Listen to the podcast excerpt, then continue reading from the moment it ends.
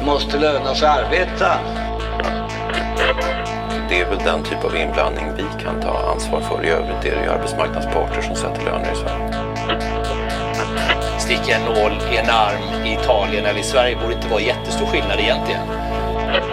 För mig är det viktigt att vi har verktyg och redskap om det är så att konjunkturen vänder. Välkommen till Arbete och fritid som idag spelas in onsdagen 25 maj. Idag ska vi prata om en helt ny konstellation i fackvärlden, nämligen facken i välfärden. Ett samarbete mellan sex fackförbund som har bildats för att ta sig an problemet att alldeles för få vill jobba i välfärden. Det är ett gammalt problem, men det kanske börjar bli allt mer akut i Sverige idag. Med oss har vi som alltid Britta Lejon, ordförande i SD.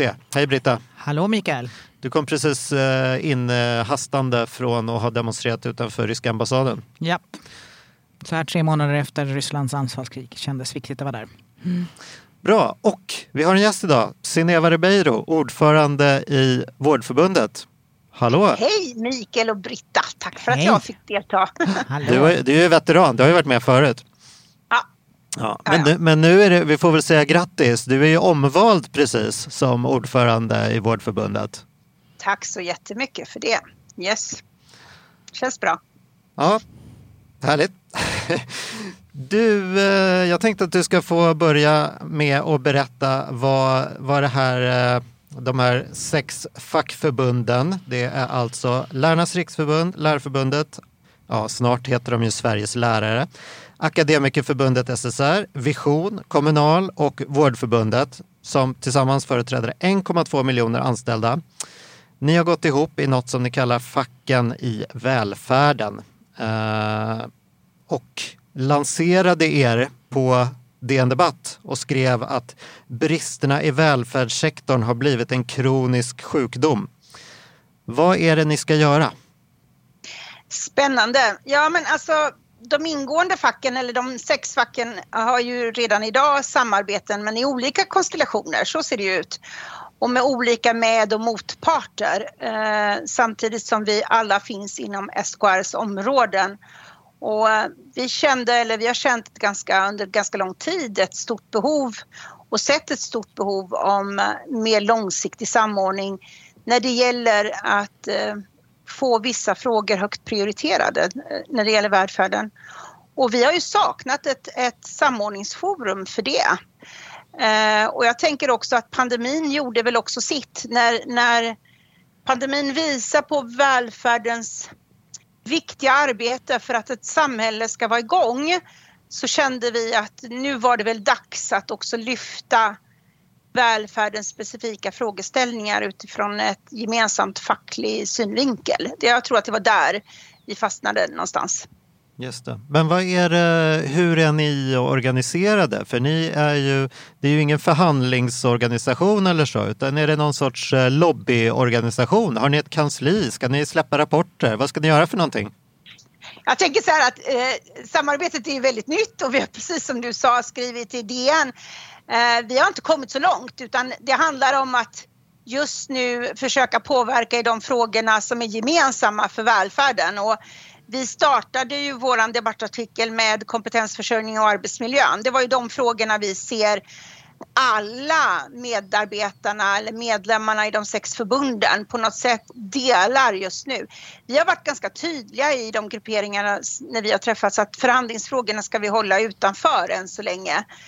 Är inte arbetsmiljö en förhandlingsfråga? Jo, det är det, men det handlar om rena löne, lönefrågor och arbetstidsfrågor. Sådana regleringar när det gäller villkoren kommer vi inte att ha, som det ser ut just nu, att prata om, utan det handlar verkligen om förbunden i offentlig sektor och att vi på något sätt försöker lyfta välfärden när det gäller verksamhet som finansieras av kommuner och regioner.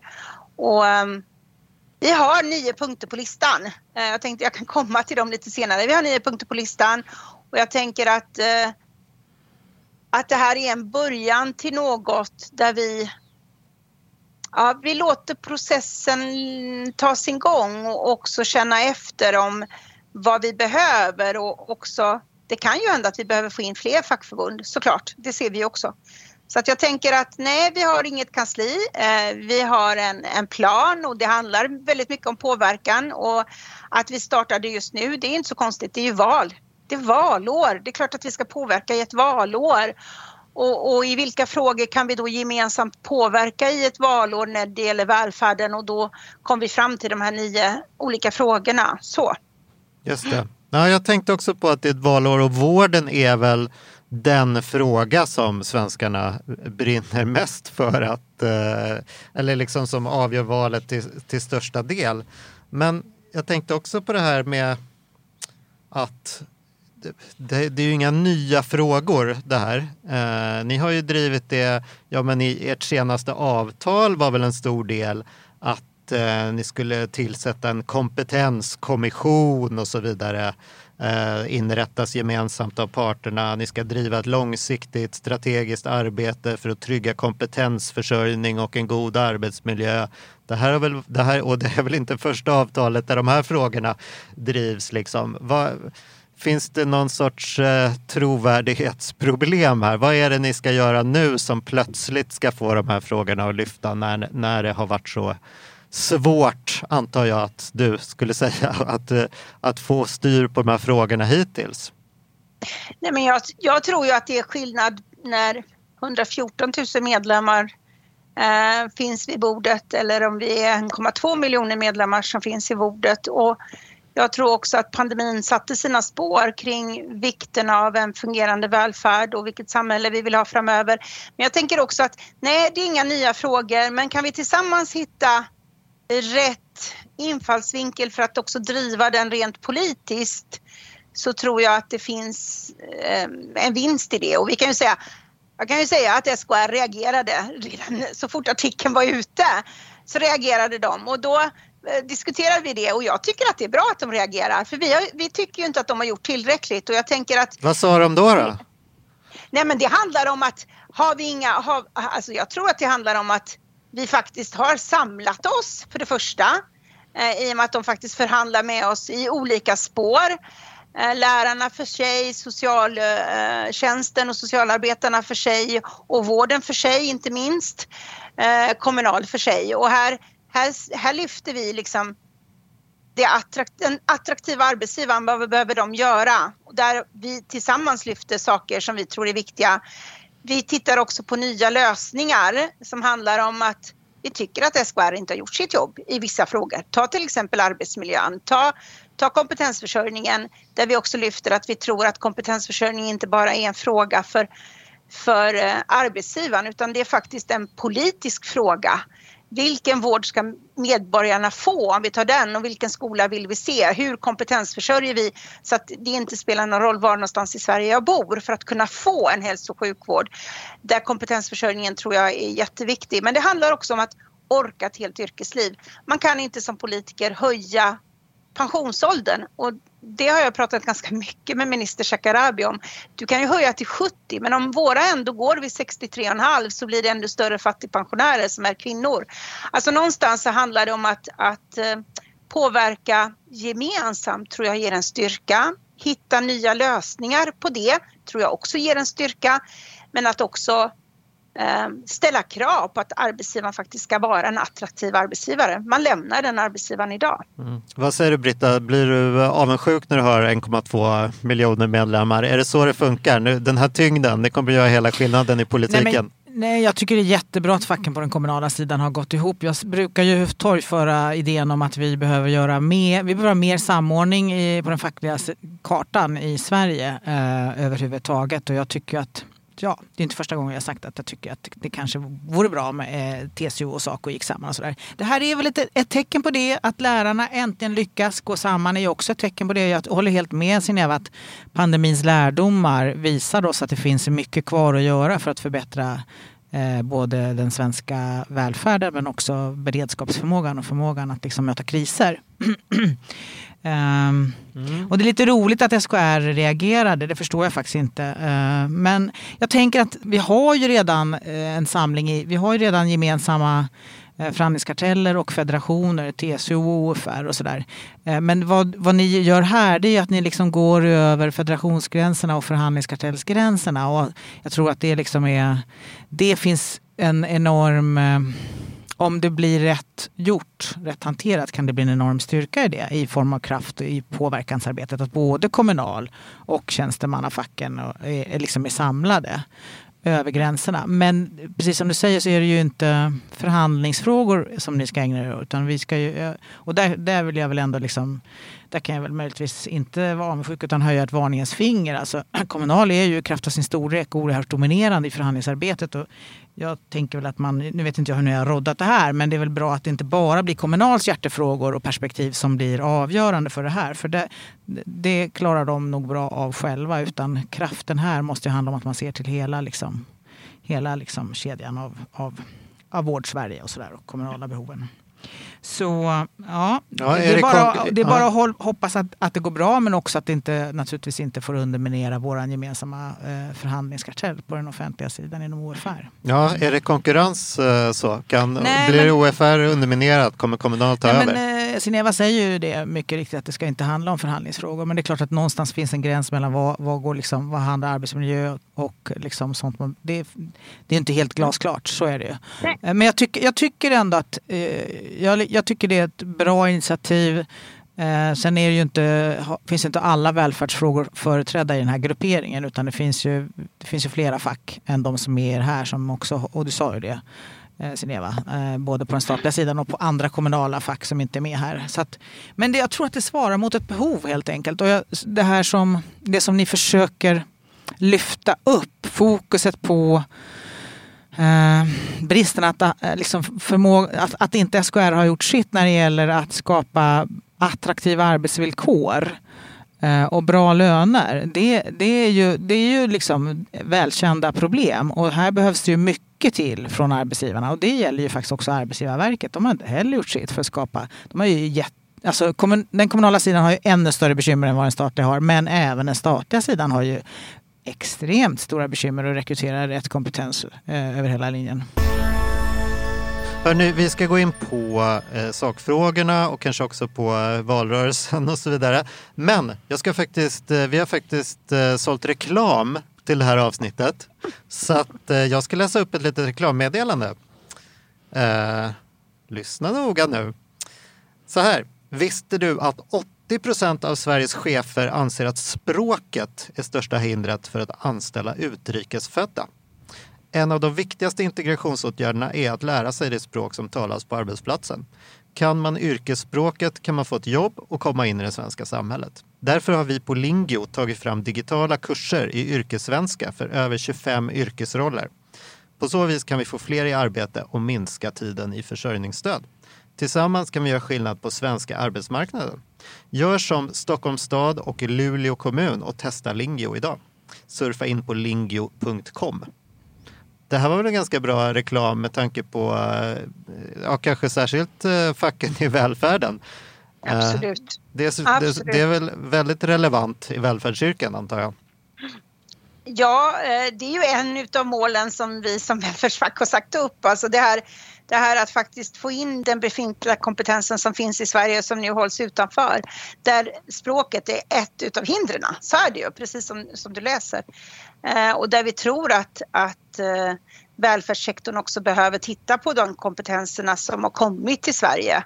Det vill säga både flyktingar och andra inflyttade om hur, hur utbildning för dem ser ut och hur vi kan eh, utveckla dem för att också komma in i befintliga tjänster där behovet är stort.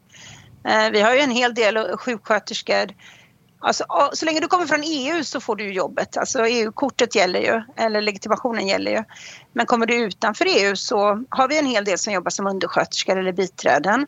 För att det är ganska krångligt att eh, ta sin svenska legitimation.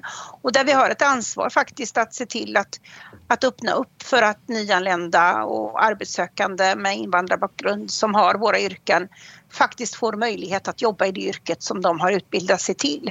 Så där har vi själva också en hel del att göra. Det är faktiskt ett av målen i det här välfärdssektorns, eller facken i välfärden, där vi har sagt upp att försöka få in befintlig kompetens och kunskap som nu finns utanför.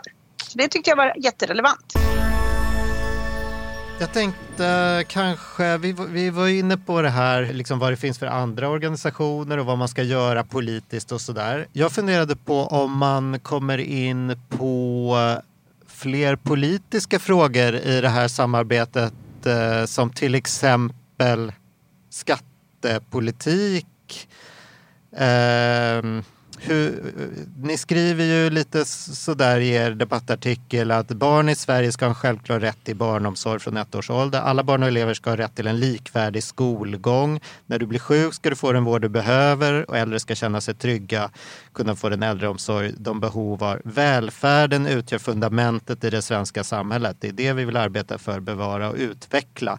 Kommer man in på eh, välfärdens finansiering och den typen av frågor, blir man, konkurrerar man i politikutveckling med TCO till exempel? Ja, vi har ju pratat jättemycket om hur den här, eh, den här, det här samarbetet som fortfarande är helt organiserat, för det ska vi veta, det är nytt och inte organiserat förutom att vi träffas och det, det är ordförandena just nu som träffas. Men jag tänker någonstans att Ja, i längden så kan det ju bli det. Det vet jag inte, men jag vet inte om vi ska se det som konkurrens utan då istället förstärkning av det som redan drivs. Eh, om jag tänker på det Britta säger, ja, styrkan är väl inte bara att eh, Kommunal som är stora tillsammans med oss andra, både TCO och Saco-förbund. Kom ihåg att det är alla tre organisationerna, centralorganisationerna som på något sätt har hittat en möjlighet att lyfta välfärdens yrken och de brister som, som befolkningen nu lyfter som sina viktigaste frågor. Alltså det, det där tror jag jag tror inte man ska se det som en konkurrent utan jag tror man kan förstärka varandra på något sätt. Jag tror också att samarbetet i centralorganisationerna till och med kan förstärkas av att vi också börjar prata med varandra i de här konstellationerna jag är inte säker på att vi ska se det som konkurrens. Nej, eh, precis. Alltså jag hoppas att det bidrar till att, att den offentliga rösten ök, stärks. Eh, men sen tror jag att det är lite naivt Sina att inte tro att det kan finnas en risk att underminera de existerande strukturerna. Men, men jag tänker att rätt hanterat kan det bli precis det du är inne på nu på slutet här, nämligen att det kan bli en skjuts för ännu mer av samarbete och samverkan mellan de redan existerande strukturerna. Eh, men, Men det är klart, det är alltid ja. risker i ett samarbete. Det tänker jag. Det är alltid en risk.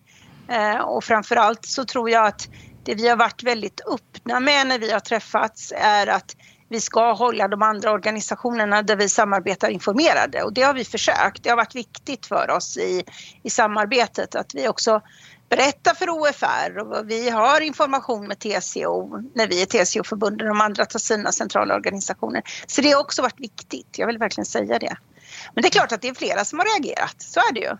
Eh, både LO-förbund och andra konstellationer som reagerar på att vi nu faktiskt samlar och det visar väl, det visar väl att eh, det har varit lite splittrat. Alltså vi har ju slagits om samma pengar, om samma möjligheter om samma villkor, om, om och nu slåss vi om en dålig arbetsmiljö, en kompetensförsörjning där alla grupper behövs. Eh, och det är brist på i stort sett alla och, och då tänker jag att då är det väl viktigt att vi driver det tillsammans. Tänker jag. Om vi ska gå in på det här problemet att rekrytera människor till välfärdsyrkena.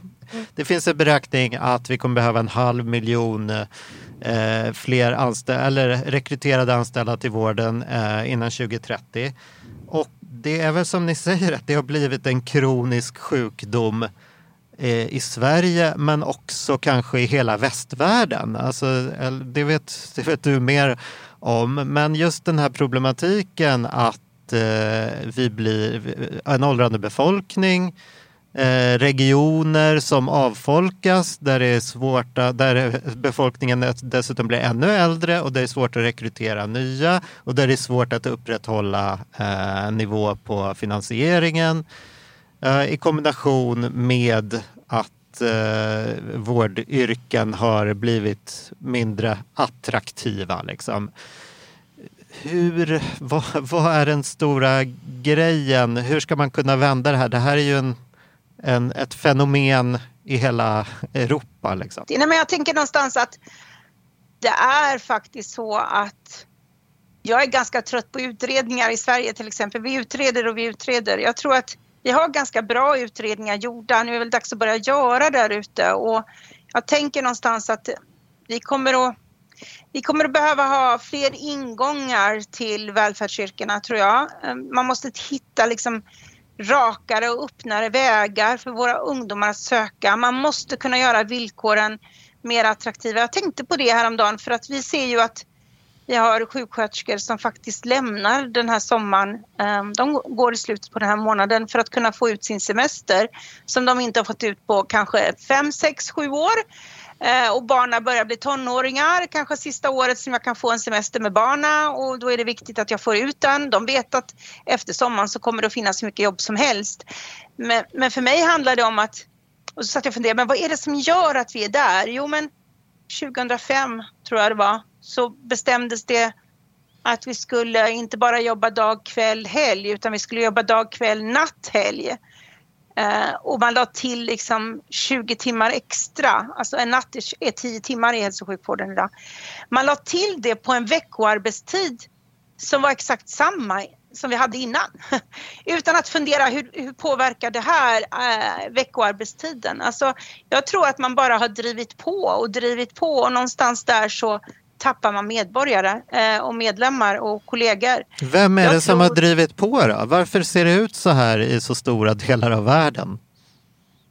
Nej, men jag tror att det handlar om att vi har en skattefinansierad hälso och sjukvård som har behövt göra neddragningar, alltså resurser saknas och då har det blivit så att det man kan dra ner på är personal. Alltså det är så det är. Eh, I hälso och sjukvården, i skolan, i, i socialtjänsten så är den stora kostnaden personalkostnaden och då drar man ner på den och den görs dessutom väldigt kortsiktigt skulle jag vilja säga. Alltså tänk på alla de pengarna som kom från regeringen under pandemiåret 2021 eh, som läggs i ladorna för att det är just under 2021 jag får de där pengarna. Jag kan inte långsiktigt planera för att använda de pengarna på längre sikt. Så att jag tänker någonstans att och det är väl därför vi också kräver, alltså vi tror ju att kompetensförsörjning för välfärden är inte bara en regional kommunal fråga utan det är en statlig fråga. Så som det ser ut just nu kan jag säga att när det gäller våra sjuksköterskor och att man får gå sin vidareutbildning i en region där man låser in oss i dåliga villkor för du får inte byta istället för att tänka att vi utbildar för hela befolkningen i Sverige. Så ser det inte ut utan 21 regioner utbildar för sig själva helst inom varje egen verksamhet och tänker inte på att om den här IVA-sjuksköterskan som jag utbildar på Akademiska i Stockholm flyttar till Norrbotten och, och börjar på sjukhus där i Sollefteå så är det en vinst för Sverige. Det är inte så man räknar utan man räknar ju i sitt lilla eget. Och jag tänker att någonstans så har vi en hel del systemfel i det och därför tror jag att just kompetensförsörjningsfrågan och inte minst arbetsmiljöfrågan som har varit ett trepartsavtal där vi faktiskt tillsammans med staten har skrivit ett avtal om att det ska bli bättre och så ser vi att det blir sämre. Så att jag tror att jag tror att det handlar om att göra villkoren attraktiva. Det handlar om att också möta upp Alltså ni vet millenniumbarnen, brukar jag säga, millenniumungdomarna som idag är sjuksköterskor eh, kommer inte att acceptera de villkor vi har. De kommer inte att köpa att, att arbetstiden se, ser ut som den gjorde för 60 år sedan. Utan den ser likadan ut, det är ingen skillnad. Alltså, man kommer inte acceptera de villkoren och jag tror inte riktigt arbetsgivaren, även om vi har pratat om att vi kommer att möta det här, så har vi inte gjort något åt det. Eh, och det är, väl det, vi vill, det är väl det vi vill göra, tänker jag öppna upp utbildningsvägarna, se till att det går att kompetensförsörja med olika ingångar. Tidigare kan jag ju säga när det gällde sjuksköterskor så var det självklart att när jag jobbade på akuten att hade jag två undersköterskor som var jäkligt duktiga så var det liksom ni måste söka vidare. Det är den vägen ni ska gå. Självklart ska ni bli sjuksköterskor. Och, och någonstans så finns inte den ingången direkt idag och, och, vi tappar också den vägen till mer akademiskt utbildade och, och eh, vidareutbildning förstås. Mm. Finns det, en, om man tänker på systemnivå, om den här eh, viljan att finansiera vården eh, liksom urholkas och förtroendet urholkas så reses ju krav på eh, mer privat vård, föreställer jag mig. Eh, kan det vara en, eh, det kan, det kan man ju tycka är dåligt ur en liksom vård efter behov istället för efter efterfrågan. Men finns det en möjlighet där att eh, driva fram bättre villkor? Alltså jag tänker, en gång i tiden var ju tanken att eh, med fler arbetsgivare i vården, med privatiseringar, så skulle man ha eh, bättre, lättare att förhandla sig till bättre villkor. Kan en privat sjukvård liksom leda till eh, till bättre villkor och, eh, inom vården. Jag vet inte hur det ser ut internationellt, om det, om det är så eller om det är tvärtom. Eller, vad är din tanke om det där, Sineva? Jag tänker att eh, när jag blev klar 89 som sjuksköterska så var det nog så att eh, gick man till privat sektor så fick man högre lön, man fick bättre villkor. Man fick lite sämre semesterersättning eh, var väl det, eller eh, färre semesterdagar, det var väl det enda. Men annars så låg lönerna lite högre. Alltså vi har ju, vi har ju ett beslut i våran, eh, våran kongress om att vi vill att eh, hälso och sjukvården ska vara skattefinansierad och ges på lika villkor runt om i landet. Men att det ska vara möjligt att ges av fler utgivare, alltså fler vårdgivare. Eh, där också privat sektor är viktig. Och, eh, jag tänker så här att, att eh, jag tror inte att varken befolkningen eller i alla fall inte i våra professioner vill se en vård som går åt det som vi kan se i västvärlden, i USA inte minst, med försäkringslösningar. Vi erbjuder inga försäkringslösningar till våra egna medlemmar. Det skulle liksom aldrig accepteras kan jag säga till hälso och sjukvården utan vår etik bygger på att den som behöver vården först ska få det först. Eh, och då, och då mm, handlar det om att också se den delen.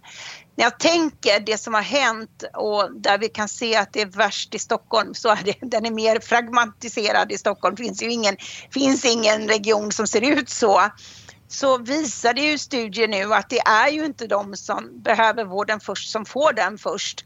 Och alla de vårdcentralerna som, som, eh, som liksom på något sätt har ploppat upp som svampar Eh, det, det, den hanterar ju inte hälsan hos befolkningen. Alltså, och då, då har vi ju ett problem, tänker jag, för då går ju resurser till det som vi säger det inte ska gå till. De men, det behöver... ni, men det säger er kongress ändå är, är okej, privata utförare så, så länge den är skattefinansierad och det är väl det vi har i Stockholm? Yes, men det handlar ju om att bygga upp den hälso och sjukvården utifrån befolkningens hälsa. Eh, så att någonstans så handlar det om att vi kanske borde se fler vårdcentraler där behovet av hälsotjänster är störst, där vi kan jobba förebyggande på ett annat sätt. Och det är inte där de etablerar sig. Och det, det, det hör vi ju från medlemmar. Och vi kan också, alltså nu satt jag ju i den där vinster i välfärden, det handlar ju också om att, att eh, vi, vi kan ju se att de som inte har behov av kontinuerlig hälso och sjukdom, det vill säga de som lever med en sjukdom. Det är inte de som kommer till utan det är jag har en halsfluss och vill kunna gå och jobba imorgon och vill att någon tittar i min hals idag. Det är de som får det. Eh, det vill säga korta besök som inte lever med sjukdom. borde, där... borde vi eh, ta bort eh, internetrådgivningen? Alltså så här tänker jag och det har vi också det beror på hur man använder IT-lösningarna. Vi vet ju att vi har eh, jag kan ta ett exempel. Hela Norrbottens hemtjänst där man fick åka flera mil på nätterna för att eh, kontrollera multisjuka äldre som bor hemma och om de sov eh, eller om de hade varit uppe och ramlat eller sådär. Eh, och så bestämde man sig i de kommunerna där uppe i norr att vi skulle sätta in kameror hos de här äldre och då reagerar våra medlemmar rent etiskt att vi kan inte ha kamerabevakning av äldre. Medan de äldre tyckte att det var rätt skönt att ha den där kameran för om jag skulle gå upp på natten så har de koll på att jag är uppe eh, och våra slapp knacka på och väcka de äldre när de sover. Så att jag tänker att IT-lösningar ska användas på rätt sätt. Så att jag skulle inte säga att det ska helt bort utan det handlar om hur man möter upp behovet hos befolkningen. Vi går ur en kris. Hälsan hos befolkningen kommer att vara sämre. Och hur möter vi upp det? Där vi också kan använda oss av IT-baserade hjälpmedel, för det tror jag. Mm. Nu, nu, tror jag i och för sig inte att din fråga mest handlade om de ITA-baserade hjälpmedlen om jag förstår det rätt. Utan det var liksom finansieringslösningar. Jag, jag, jag skulle bara vilja lägga till att jag tycker att jag, jag håller med dig Sineva om att resurserna är ju A och O till, till liksom välfärden och att vi har en vårdskuld nu efter pandemin.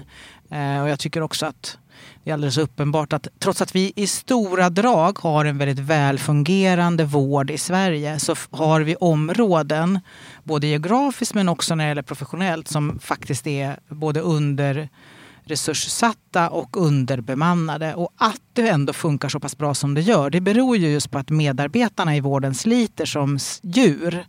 Men nu är vi liksom i det här skedet att ja, folk är helt slut efter pandemin och eh, regionerna får inte få tag på folk, särskilt inte i vissa delar av landet.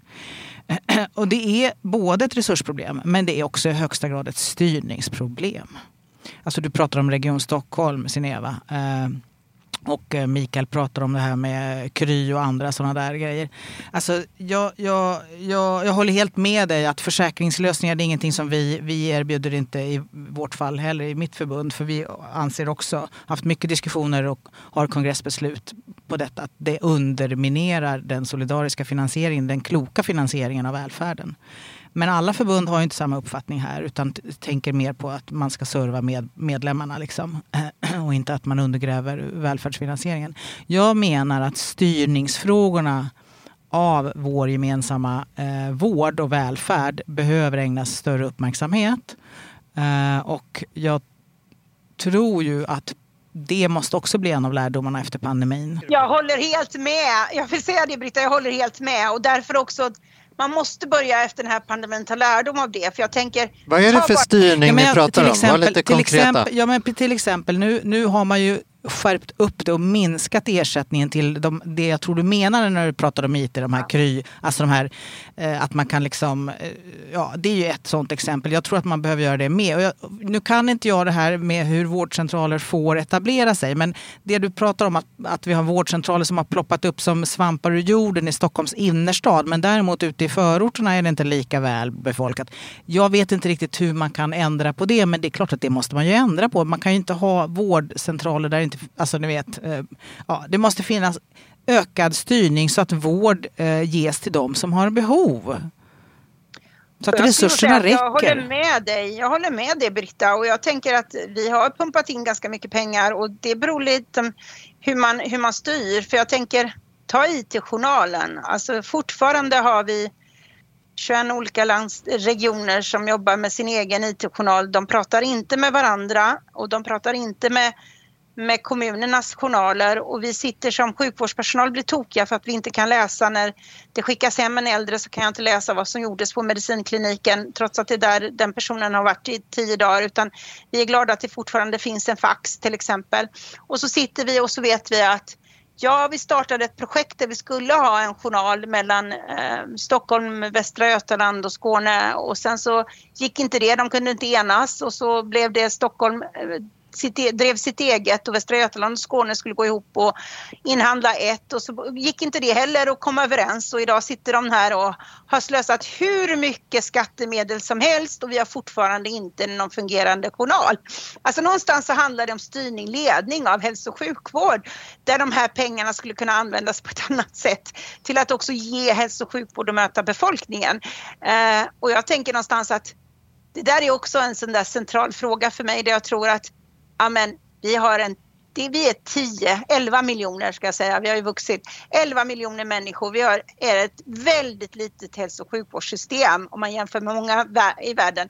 Och då är det väl bara bestäm er för ett, en IT-baserad lösning som funkar i hela Sverige så är vi jättenöjda. Alltså den tid det också tar från oss i administration som finns i hälso och sjukvården för att systemen inte fungerar och det inte löser sig så tänker jag så här att Ja, finns det resurser? Ja, det finns säkert resurser, men man styr dem fel helt enkelt. Ja, och jag tänker så här, det finns begränsade resurser eh, till, mm. till liksom, behoven är ju egentligen mycket större. Eh, mycket yes. större och liksom te, både teknikutveckling och medicinsk utveckling och allt gör ju att vi kan liksom eh, rädda livet på fler, eh, öka hälsan för många fler, eh, läng längre ner när de är yngre, eh, liksom nyfödda, högre upp i åldrarna och sådär.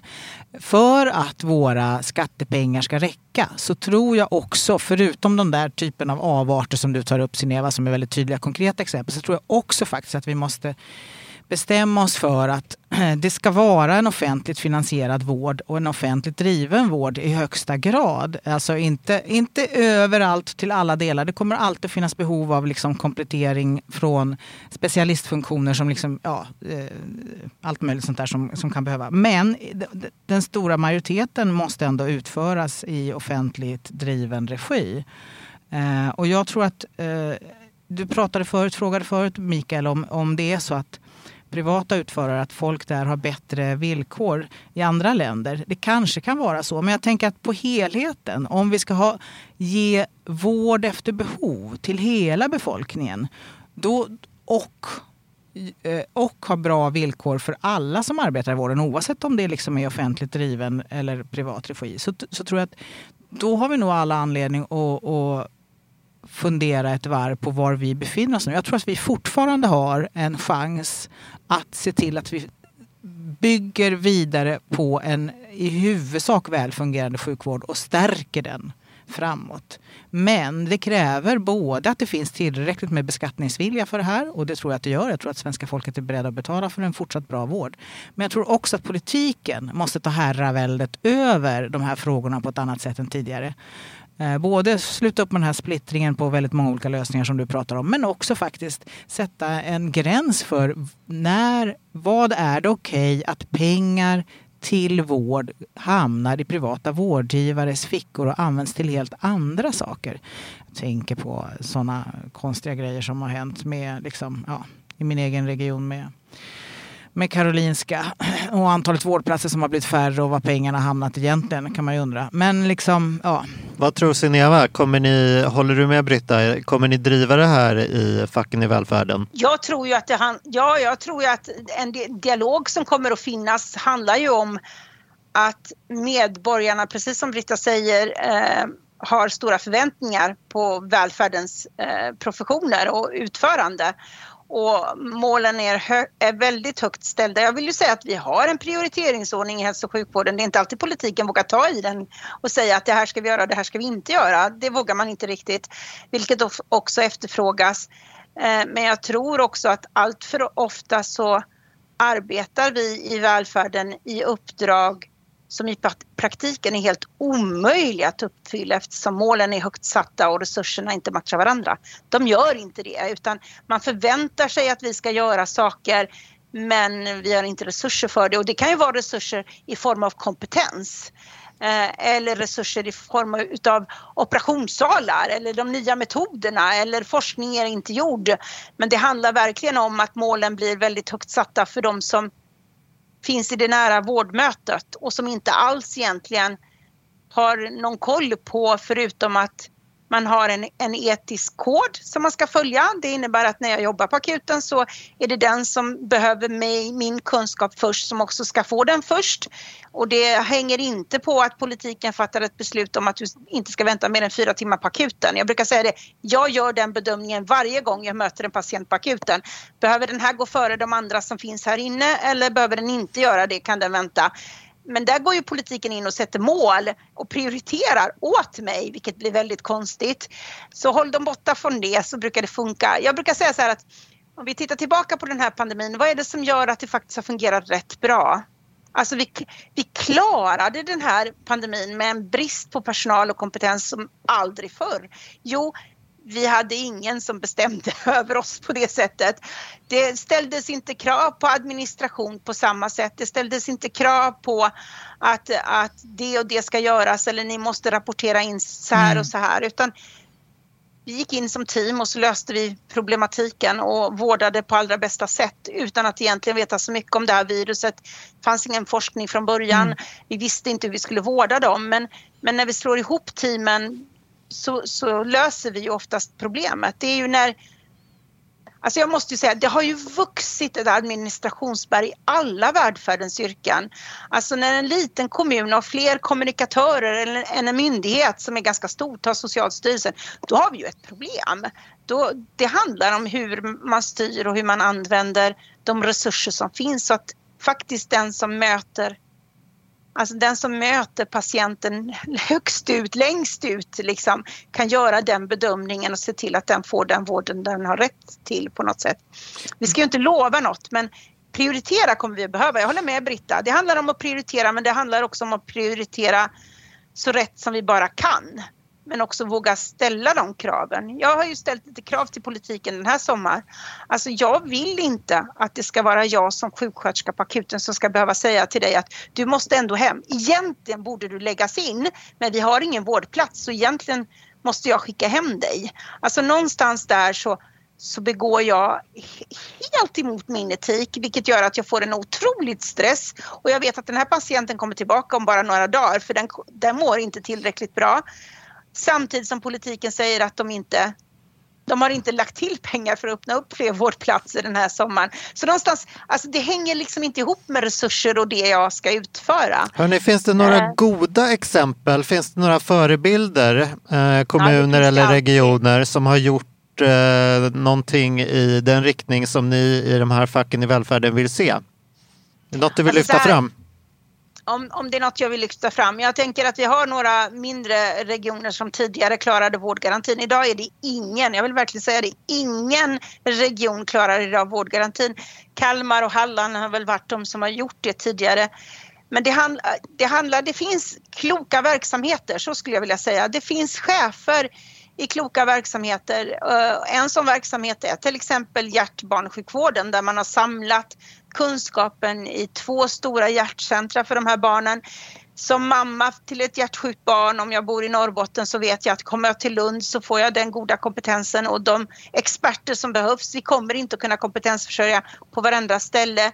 Alltså det finns verksamheter som verkligen jobbar med den multisjuka äldre, se till att den inte behöver åka in utan att det finns sjuksköterskor där ute som har hög kompetens och som kan göra bedömningarna och som vågar ta den där hälso och sjukvården hem till patienten som den kanske hade fått vänta på i 15 timmar på akuten. Så det handlar om hur vi vill använda kompetensen och hur styrningen, precis som du säger Britta, hur blir styrning och ledning för att få till det där? Har det här liksom? varit politiska beslut då eller har det skett i verksamheterna? Alltså det är professionerna som har styrt. Det är sjuksköterskorna och läkarna och, och undersköterskorna på barnkliniken som vet att vi kommer inte att klara hjärtbarnen om vi inte samlar oss för kompetensen är för låg så att vi behöver samlas. Okay, det är intressant att de eh, exempel som du väljer att lyfta fram, både hur man klarade pandemin och hur man klarar att fokusera på till olika kompetenscentra, det sker i verksamheten helt enkelt. Yes. Som avslutning då så undrar jag väl, hur ska ni få in de här frågorna i valrörelsen? Du var ju inne på att ni Eh, startade det här lite just nu på grund av att det är valrörelse. Eh, jag läste till exempel i DN i morse, Barbro Hedvall som skriver, som ställer pensionshöjningar mot eh, kvalitet i vården för äldre och säger att vad ska vi med några hundralappar till i pension? Det har ju blivit en jättestor valfråga mot den här oron som vi känner att inte få vård i hemtjänsten, Eh, på äldreboenden och i vården. Eh, det är kanske där vi borde satsa pengarna. Är det det ni ska driva eller hur, hur ska ni eh, få genomslag? Vad är strategin? Jag tänker att redan nu så är, precis jag tror det var du som började med det Mikael, redan nu så är eh, hälso och sjukvården högst på agendan. Skolan hamnar väldigt högt på agendan i valet. Eh, äldre, äldreomsorg, äldrevården är jättehögt. Eh, miljöfrågorna här är höga. Jag vill säga det, det största hotet för folkhälsa är faktiskt miljöpåverkan. Vi ska vara medvetna om det. Eh, hälsopåverkan utifrån miljöaspekterna är den största utmaningen som hälso och sjukvården har framför sig. Nej, men jag tänker någonstans vi har lite redan lyckats genom att vi sitter här och pratar om det. Att, att man skriver om det i tidningen så, så hamnar ju de här frågorna på agendan. Någonstans så tror jag att vi efter den här pandemin som vi går ur, vi gick ur en kris rätt in i en annan kris som är kriget. Men någonstans så tänker jag att det finns en massa goda förslag som behöver göras och det är det vi försöker påverka politiken i. Både på nationell nivå, för den kommer vi att behöva, alltså vad behöver eh, staten ta ansvar för eh, och där är vi inte helt eniga allihopa men vi har börjat dialogen, alltså vad tror vi? Och där har vi ju i alla fall i första artikeln skrivit om arbetsmiljön och kompetensförsörjning. Det är en statlig angelägenhet som staten också behöver lägga sig, lägga sig i. Den ska inte bara ägas av varje region men också på regionnivå så ser ju jag att vi har en politik som inser att befolkningen sätter de här frågorna högst. Ehm, Samtidigt som jag blir orolig att man inte vet att det är regionerna som har ansvaret för hälso och sjukvården enligt Uppdrag granskning kan jag bli orolig för. Men jag kan förstå att också befolkningen som har sett hur bristerna har varit under pandemin funderar på hur kommer det se ut framöver och hur ska vi se till att finansiera en, god och säker hälso och sjukvård trots prioriteringar.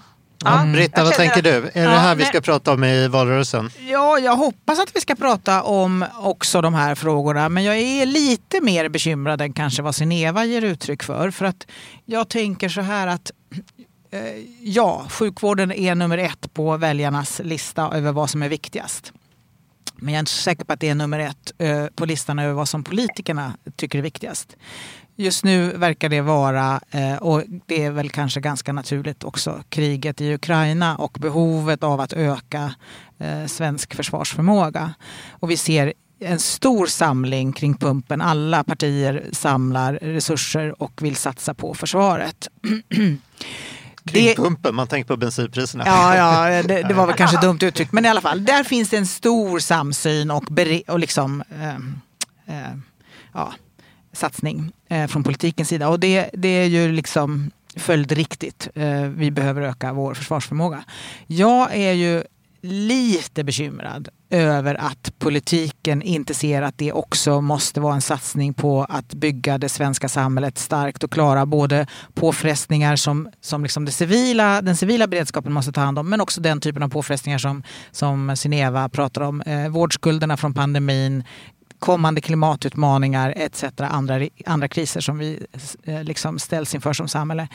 Eh, jag är lite rädd att resursökningarna till försvaret kommer innebära att det blir tvärtom mindre resurser till välfärden, mindre resurser till övriga samhällets institutioner. Och vore det så så vore det otroligt eh, kortsiktigt och sorgligt. Vi är ett rikt land.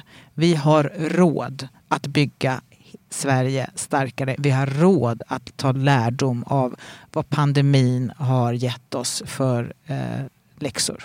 Ja, men det handlar om att försvaret faktiskt inte klarar sig utan den civila hälso och sjukvården. Mm. Ganska tydligt. Vi har 25 brännskadeplatser i hela Sverige. Skulle ja, Putin utrotade en hel styrka på 5 000 man på bara några minuter genom att bränna dem med något medel. Alltså någonstans så handlar det om att se också det civila i en krisberedskap som en vinst som vi har i Sverige. Jag vill säga det som en vinst vi har i Sverige.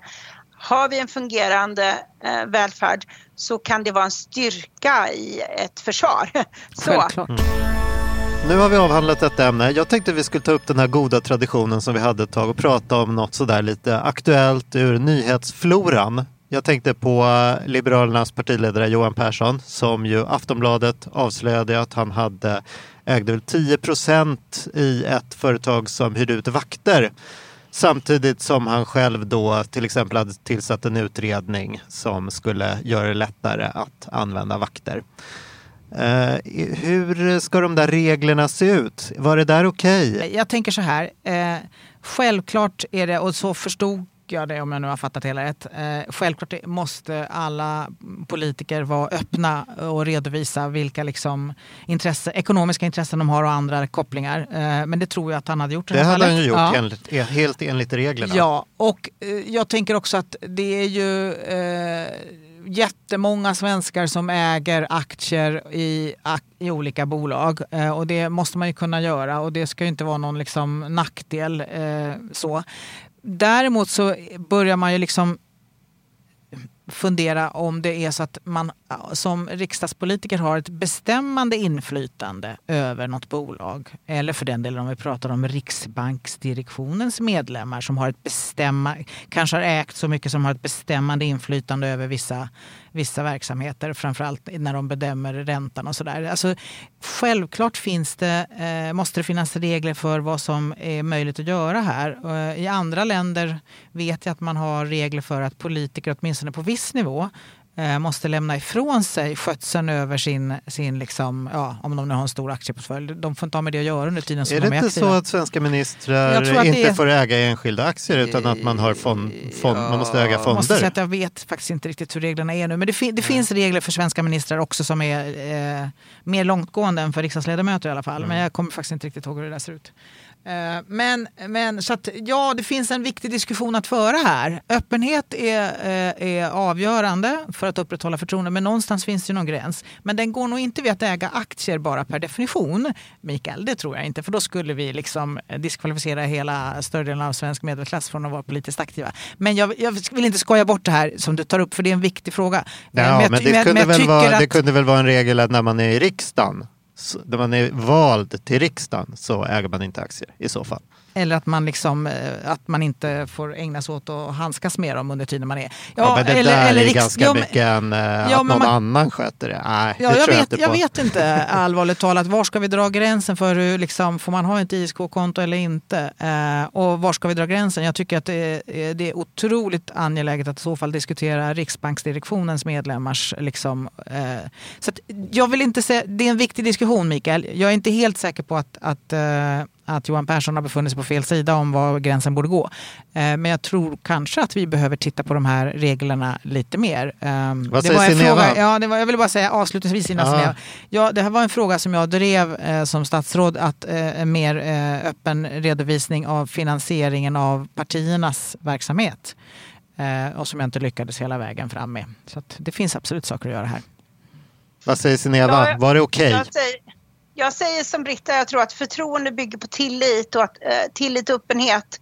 Och jag tänker att sitter man i de här olika bolagen så, så bör man i alla fall inte vara med om att fatta beslutet. Och man bör vara öppen. Alltså jag tror att svenska befolkningen förväntar sig en icke-korruption i den här frågan. För det är en Självklart. typ av korruption. Jag ser till att jag tjänar pengar mest. Jag vet inte, alltså, jag tror inte han satt i någon styrelse eller så, utan han ägde bara en stor ja. del aktier i företaget. Jag måste säga, jag har inte läst detta, så att jag har ingen aning om hur det såg ut. Men jag tänker någonstans att våra politikers förtroende bygger på tillit.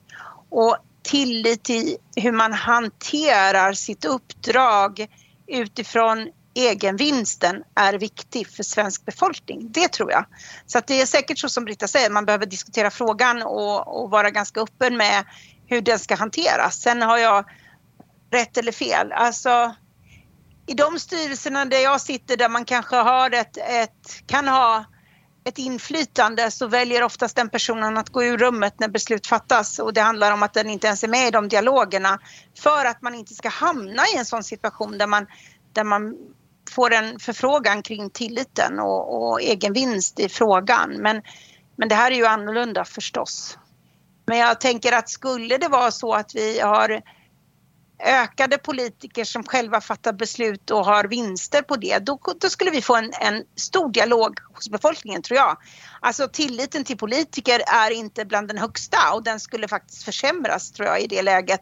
Och det har vi inte råd med i en demokrati utan det handlar om att, att se det demokratiska som viktigt och då också vara öppen med det men också kanske, kanske behövs regelverk och då får man väl titta på det tänker jag. Ja, nej men jag, jag tänker lite som du, alltså rent generellt kan man väl säga att de här kraven på att politiker ska eh, liksom inte få ha eh, ersättningar och eh, övergångsfallskärmar och så vidare. Alltså vill man locka bra folk till politiken kan jag tänka att det, det får vara okej okay med de, de riskerna man ändå tar som, som förtroendevald, att man har en viss standard. Liksom. Men just det här att äga Aktier, alltså det är väl inget svårt. Tillåt bara globalfonder för alla som sitter i riksdagen. Hur svårt kan det vara, tänker jag. Det är väl inte så konstigt krav. Ja, ja, jag har inte fördjupat mig i frågan. Hörni, tusen tack för att du var med Sineva. Jätteintressant att höra om detta. Britta som alltid, eh, tack. Och eh, vi ska säga också att det är Henrik Andersson Fågel som klipper podden. Och och eh, att ni ska höra av er eh, om vad vi ska prata om härnäst. Eh, annars har vi förstås alltid idéer på lager, men det kan vara kul med lite lyssnarmedverkan också. Och så är vi tillbaks om två veckor cirka. Glöm inte att prenumerera så du inte missar några avsnitt. Hej då!